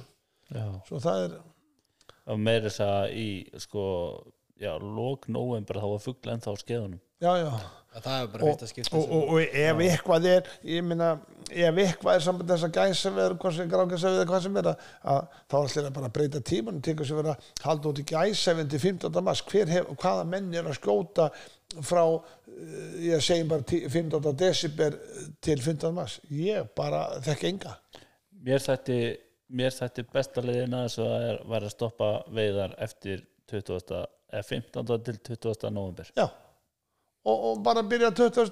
september hafa þetta bara tvo mánuði Eh, Nei, ég myndi nú alltaf vilja hafa þetta hann 20. stað, þú veist, og að maður annars ertu að missa af heiðagæsinni og mér finnst Já, alltaf- þú veist að þetta er því bara Nei, nú erum við að tala um grágæsin. grágæsin Já, nú erum við að tala um eru bara- grágæsin já. heiðagæsin náttúrulega má, má vera uh, náttúrulega eins og hún er Já. en það, hún er bara sjálf stoppandi þegar hún er farin sko. Og, og við erum aðra að tala um uh, grágæsin núna og ef eitthvað er nú hef ég ekkert verið sko, ég, er ekki pæli í þessu vegna þetta snýst eins og, eins og fyrir mig eða bændur almennt en kannski mig vegna sem við getum kallað mig kannski hálfgerðan gæsabónda að þetta meira bara þetta svona stiði hvort annað. Fyrst og næst er þetta náttúrulega jarðrækt hjá mér vegna þess að ef ég ætti að fara að sá í tún eða eitthvað þá er náttúrulega afskaplega gott að setja korn í 2-3 ár lámark áður til þess að bæði, bæði að búið til meiri frósum í jarðveginu vegna þetta er náttúrulega mjög sendi land hérna. Mhm. það vantar svona meiri meiri uh, meiri lífrænt í þá og til að ég hef aldrei aldrei uh, slegið eða, eða, eða hýrt hálm hérna í 12, 13, 14 ár. Allan hálm líka bara og plæja niður. Uh, hjá mér er þetta orðið þannig að, að, að, að þetta er náttúrulega stiður orðið doldið eins og maður segir bara mína ferða þjónustu. Þannig bara að vera að bjóða upp á gistingu morgumann, þó að það sé lítið hluti af, af því, en þetta stiður hvort annað, já. þessi vilja góðan gæs vilja náttúrulega ná þá að hafa góðan svefn og vakna hérna á staðnum og fara svo úrstað fyrir að keira einhverja uh, 100 kilometra eins og ég sagði, þess vegna hef ég alveg haft alveg klárt að hér kemur enginn að skjóta gæs sem kemur á mótni til ég prófa þetta. Tvisar þrísar, finnur anskoð mörgum það var bara loðandi slagsmann út á plani Nú, eitt kom á seint og uh, þóttist að það var sprungið dekk og þá rökur inn í bílum það var ekkert sprungið dekk og, og þessi hafði glemt símónum heima en síminn fann svo bara inn í hanskóli í honum vegna þess að þeir reyndar hingið hann sko, hann bara vaknaði hann á seint svo ég býð ekkert upp og enda fyrir þetta hverju voru menninir, hvaða byssur eru með. Uh, hér er bara allt klárt mál hér er bara sexjólun og kerrunar og við erum bara farnir reyndi segundu komnir, sko, fyrir okkur frá morgumat og komið nýr í frá morgumat þegar búið er og, og klósitverði ha, 20 minnir senna erum við komin og byrja að skjóta fugl. Já, það er svo einfalt.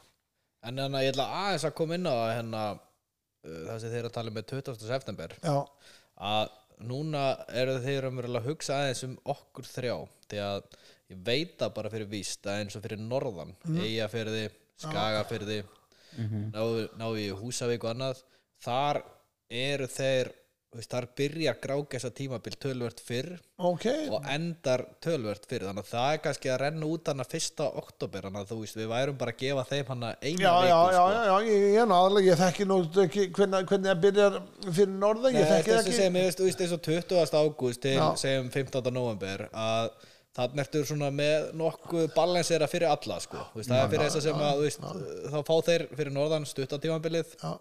Og, og það er svo sem ekkert að byrja neitt hérna viti fyrir en hvað sem er 15. 20. september Nei, að þú hefur ekki að verið að mér vegna þess að ég bara næði að takla þetta vegna ég var nú alltaf dæmót í Þýskalandi á, á, á, á mótum og, og, og, þá þegar maður kom heim að þá var hvernig ég veit að bara alltaf reyðjast niður og, og, og núna bara stýri ég bara inn uh, ég verð alltaf að hakka niður ef alltinn er búin að ráðast inn og það er alveg saman hvað maður gerir þar mann bara nægir engu að stjórna þar.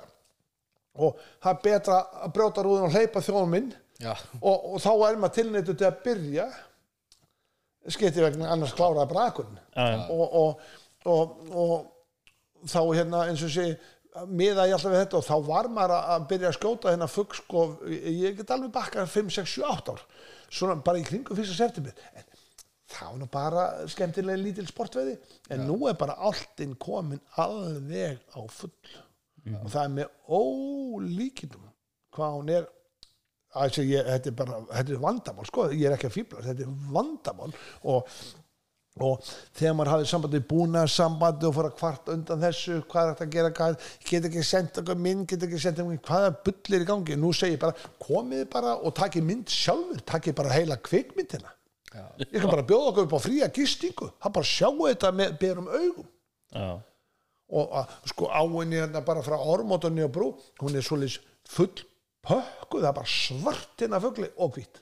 Já, já, ég held að það væri komin bara 1500 hérna káarlið, hvít svart. Og þe- þetta, þetta er meir en, meir en grín sko. Og, og sjá þegar maður fer ferðast um landi og sér ykkur 5, 10, allt er bara afskapla fallin svoleiðis viljum maður sjá það ekki Þa, þessi það er þessir einstöku svanir ekki áltir já, já, ég, ég, ég, segi það og það er bara afskapla falleg og, og, og, og eins og sé, hér eru þrjú reyður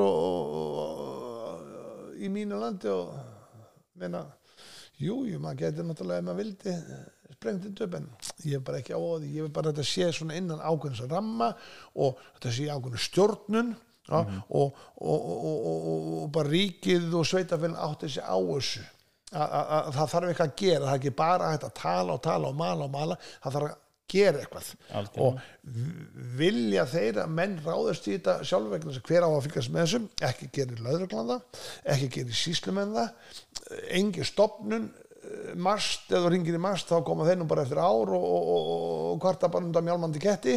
Svo það er engin sem getur fylgst með þessu. Og þá er betra að þeir takja til sína hendur og, og ráði menni í þessu störf sem hægt að leita til heldur en láta bara vera hér dráp á öllum bæjum þess og kruss og, og, og það er bara synd. Og engin stjórn. Og engin stund og það vil maður ekki sjá. Það er náttúrulega er, þú veist, og það er náttúrulega ef þetta er því leift svona uh, vilt að vestrinu eins og þú segir, þú veist, ég Gengur minna ekki. fyrsta árið, þú veist, það er ekki búið að skjóta á allt hérna bara ever, þannig að hún kemur alltaf bara skríðandi Já, til því já, og bara sorry hvað að gera við þetta? 50-60 ára gamlar altir ég meina, ég myndi bara jakslæmi, ég myndi bara brotna.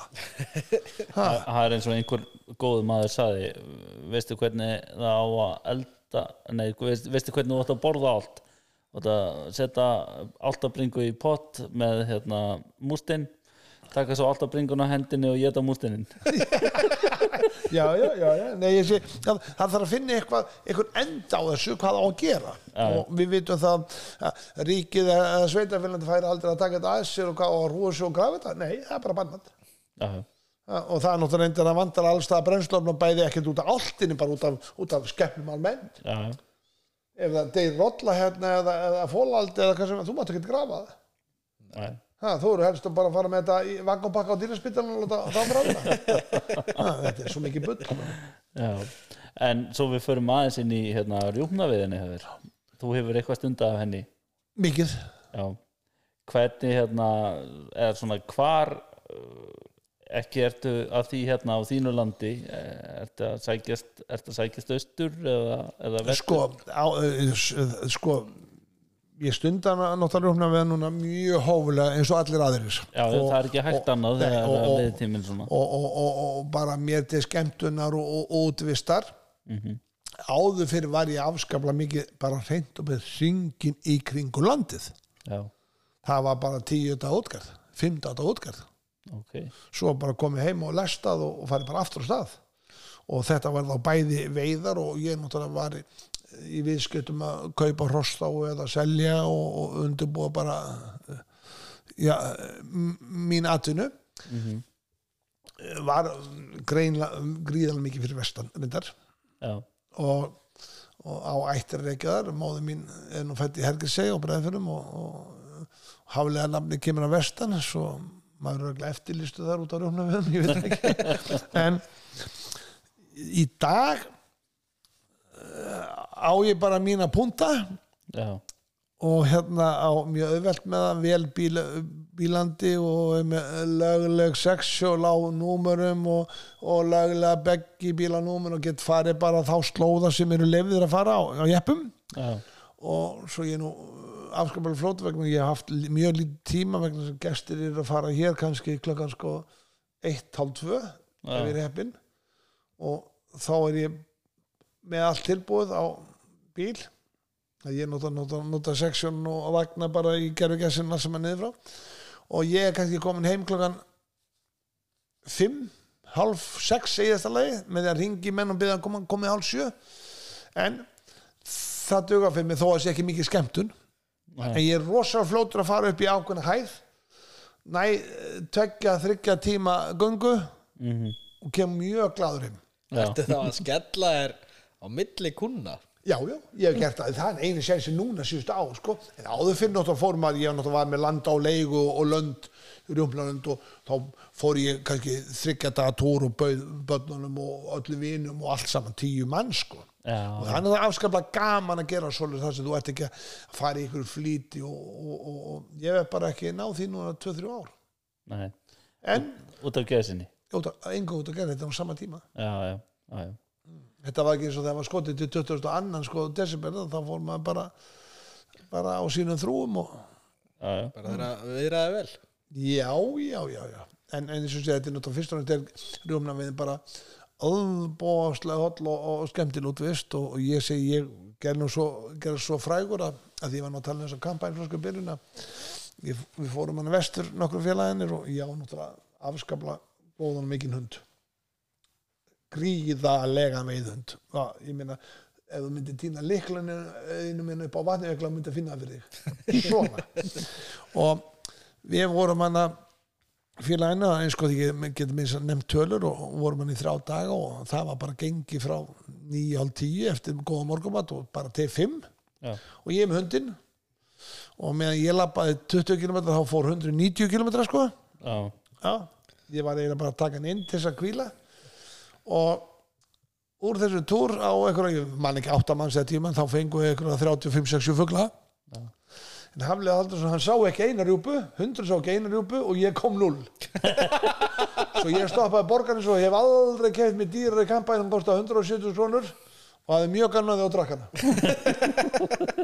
ég bara held upp að ég hef bara aldrei, aldrei gerst í mínu lífi. En, en ekki grinjaði það. Ég meðan svo fyndið og gaman ha? og ég ætla að vona ég ná þessu aftur.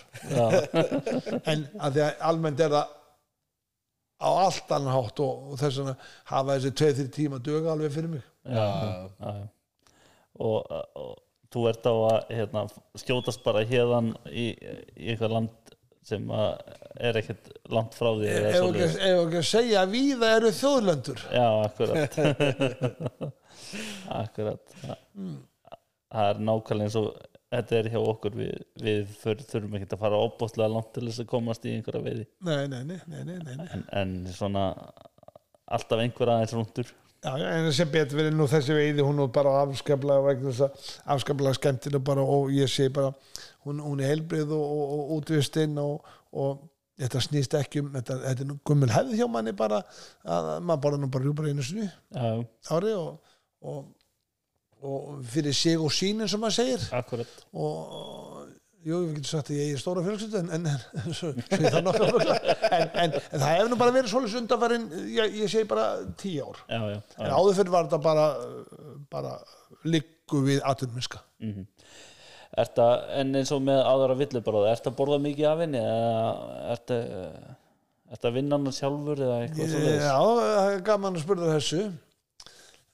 Hér áður fyrr var ég með stór fyrirtæki sem komu hér jafnvel og heldur hérna afsáttíð eða alls konar veislur eða stóri stjórnarfundir og svo var mm gestum fyrirtækina bóðið í kvöldverðina. Já, og ég hef alltaf átt gríðalegt magna villibráð og ég skal bara byrja að nefna fyrir utan rjúpuna það er sjópartíkur og lax já, hann er rektur, grafin og legin og feskur það er gæs önd. Það er fóigra gæs og konfi rekt, grafin, heil í bringum kostar önd og gæs. Mm afskaplega auðvelt fyrir mig að fá aðra villibráð sem heiti þá kvalur og var humar og hér var ég var mjög duglega að taka á móti stórum hópum á sínum tíma.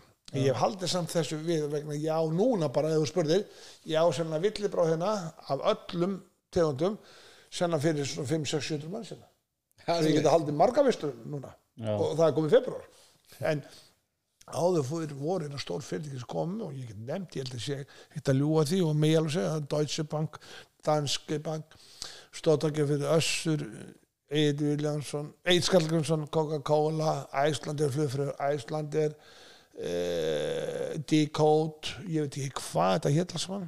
Ég var rosa duglur og þetta var svona í þessu formi að hópar kominga ég náttúrulega með veislusal hérna sem tekur 200 messi sæti. Já, ok. Og, og, og bar og allt saman hérna úti við hesthúsi. Og þá var það þannig að fólk kom kannski í rútum hérna, tvæð, þrjár, fjórar rútur og það var smá hestasýning kannski kvartir, velkom drink. Og svo bara var veisla. En hún var ekki alltaf bara villibráð, það var oft sem var bara sem var, hvaða mat sem var en, en villibráð hefur alltaf komið inn í. Svo öll mín enga parti veislur vinalega séð eða sem ég búið til er bara villibráð. Og hver vinnur þetta? Ég hef engan tíma. Nei. ég er bara með aðla í bænum sem verka allan fugl fyrir mig frá A til Ö. Já, og allt vakumbaka sinnadregin læri, bringunar livrin, fórnið, hjartað allt tekið, sortira síðan er vinnum hérna Úlfar Fimbersson yfir kokkur á Grand Hotel. Já, hann hefur bara séð um alla vinslu, hann átti með gríðar stótt og öflutt eldurs heima á sér. Viðkend eldurs, svona við getum sagt tilraun eldurs það er nú, ja, helmingan þessar stofu hérna og hann hefur bara séð um alla útgerð það að segja þetta fækra að gæsa konfi reykt og grafið og, og hann er búin að halda og gera marga veisluna fyrir mig sem yfirkokkur. Og þær eru skiptið tugum. Þær veislur. Kostar að halda hér fyrir 30-40 manns eða út í sal fyrir 150-200 manns. Þá er alveg potið og sért í mjög góðum höndum. Hann, við farið, vorum alltaf áralegi gestir á, á villibráðinu hjá honum í Vassholti já, þetta er bara já, bara þetta já en sem ma að- þetta er maður eitthvað sem maður er snillingur sko. Já, alveg reynd sko, hann er bara- snillingur og, og þetta er listamaður döðans í, í, í, í, í meðferða á, á, á þessu og svo hefur hann náttúrulega bætti þegar ég er með alls konar hópa, ellendahópa og stóra vinahópa. Hann hefur það komið að nýskoti hrindir og lundir og hann hefur verið að koma kirkju kirkjubæ, nei kir- kir- kirkju klostur kirkju kirkjubæ, klosturs bleikju og hann hefur verið að koma með eh, nýjan eh, nýsu úr Vestmannum og alls konar. Já, er- Nei, ég, við höfum alveg farið hérna upp í 21 rétt sko. Já, ok. Síðasta veistla var hérna svona vinaveistla svona opnun á, á æfisugu eins vinamins og það var svona haldið smá gill já, hvað var með 12 eða 13 rétti. Já, ok hann alltaf er algjör þegar listamaður þú sér ís orðin fjólubláan og, og, og gulrættur orðin grænar og egg orðin svarta það maður, hvað er ekki lægi með mann já, já.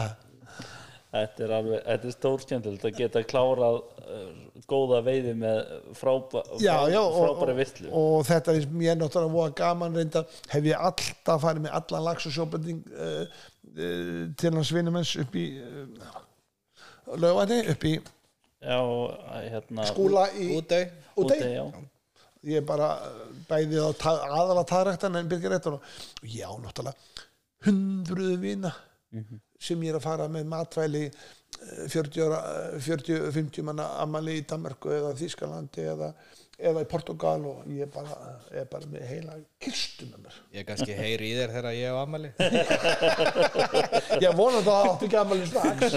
Nei, nei, en svo, svona hef ég nýtt þetta og finnst óbóðslega gaman að sjálfur. Já, En svo, opasla einfalt fyrir mig vegna þess að þetta kemur náttúrulega svo opasla útfært frá honum.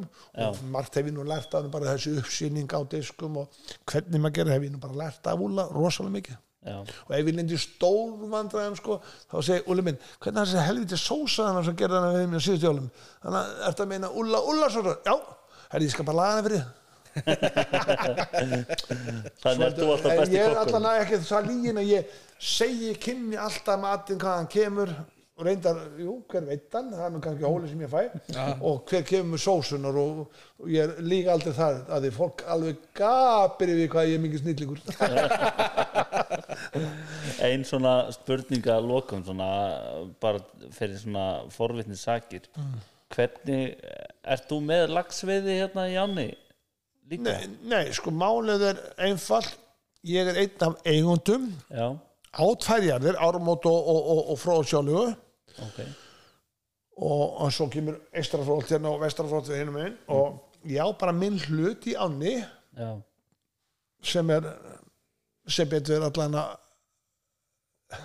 mjög góður hlutur. Já, vegna þess að veiðin er gríðal mikið á þessu svæði. Já, að öðrum svæðum ólöstum en, en, en hér eru bara skilin til þess þetta er svo fyrir hærri og hærri á yfirleitt meiri stoppstaðir og, já, og hér eru bara skilin vegna þess að þvera og eistir anga koma saman og kemur svona dólið vatnaskil og hægir dólið vel á honum fyrir utan við náttúrulega erum að setja hérna 60, 70, 80 segði sjálf sem veiðifélag veiðifélag um svæði frá árum og dönir í Ós.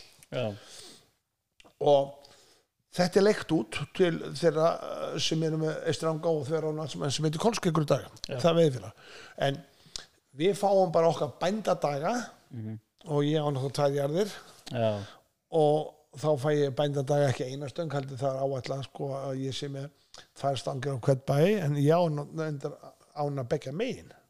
Já, og síðan það bara þannig að ég náttúrulega er var að forma félags og, og þekki 98% af fólki sem kemur að veiða Mhm. og hefur nú afskaplega oft hjálpað þeim svona að gefa þeim smá upplýsingar og, og hvað er helst væri núna og hvernig maður á veiða og á hvað maður á veiða og svona.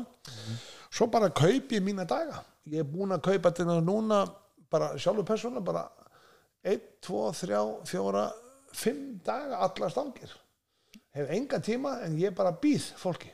Já, já, já, já, ég er búin að bjóða alveg ég, ég held ég sé búin að bjóða á mörgum kannski ég veit ekki, en, en ég er búin að bjóða alveg og, þetta á topp tíma þetta er 17 18 19 20 og 21 júli þetta er bara á stæðsaströmi Já, þetta er bara, já, já.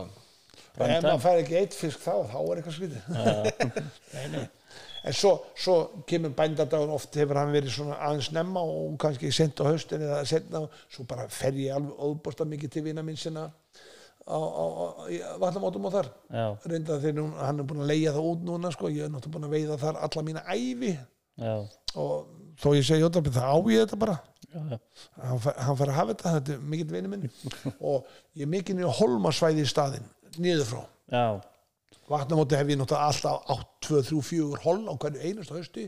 Já, og Gelnarsanni og niður hólmum en, það er náttúrulega breytinga háð núna. Fiskunni er náttúrulega að færa sér dálítið út í skaftan og kemur ekki inn í skil og svona. En ég er alltaf gaman að fara hana og veiði vel. Þetta er alveg stórbrótið líf sem átt. Það er bara meira og minna veiðimennska allt árið nema þú svona sinnir hestónum með því. Já, það, það, það er, það er svo leiðis og, og, og svona hefur bara mitt líf alltaf verið og, og, og já, ég segi, ég veit ekki, ég finn kannski ekki fyrir þannig en, en það er margur sem er talað um þetta, þetta er svona sveipan sem að setja, ég vil vera gaman að vera aðtum með fótbolta, ég vil sé bara ekkert gaman að því, ég vil vera óbústa gaman að vera flugfreyja, fljú alltaf út fram og tilbaka, ég held að það væri bara ekkert gaman að því. Og þetta er svona svipa, þetta venst. En allan að meðan að maður hefur starfað bara fyrir sjálfa sig og er sín eigin herr og eigin fórstöri og eigin frangandstöri og eigin matsveit þá náttúrulega voru að auðvelt að ráða. Maður hefur aldrei verið settur nema þegar maður tekur þessi verkefni með síningar eða dómgæslu eða kennslu ellendis eða, eða landslið þjálfari að þá náttúrulega er maður komin inn í ákveðin ramma sem maður náttúrulega þarf að vinna eftir en annars er bara svo er maður bara með sín eigin stíl sko, þó ég búi einn hér og, og er minn eigin fórstöri þá þýðir það ekki að ég sé að skoða til klukkan 8 eða hálf 9 sko. ég bara vakna klukkan 7 og vinn bara og mm, minnst ég sjáu þegar, tók, þegar ég tók á móti ykkur sko, ég átti eftir að fyrir sturtu og var hálf nakið þegar komið já, Það er stór glæsilegur samt sem aður herðu, Hafliði Haldarsson takk kærlega fyrir að bjóða okkur hingað í ármót. Já, takk fyrir komin og, og, og gaman að kynast ykkur og, og gaman að ræða þetta og, og í rauninni verður þetta að taka upp sko miklu, miklu meira efni á, Í- á, á annan hátt líka bæði til skemmtunar og veiði ferðir og veiði sögur og, og ímislegt ég get alveg lofa þér því að við komum aftur Nei, bara velkominir, velkominir. Takk hérlega fyrir það Takk. takk.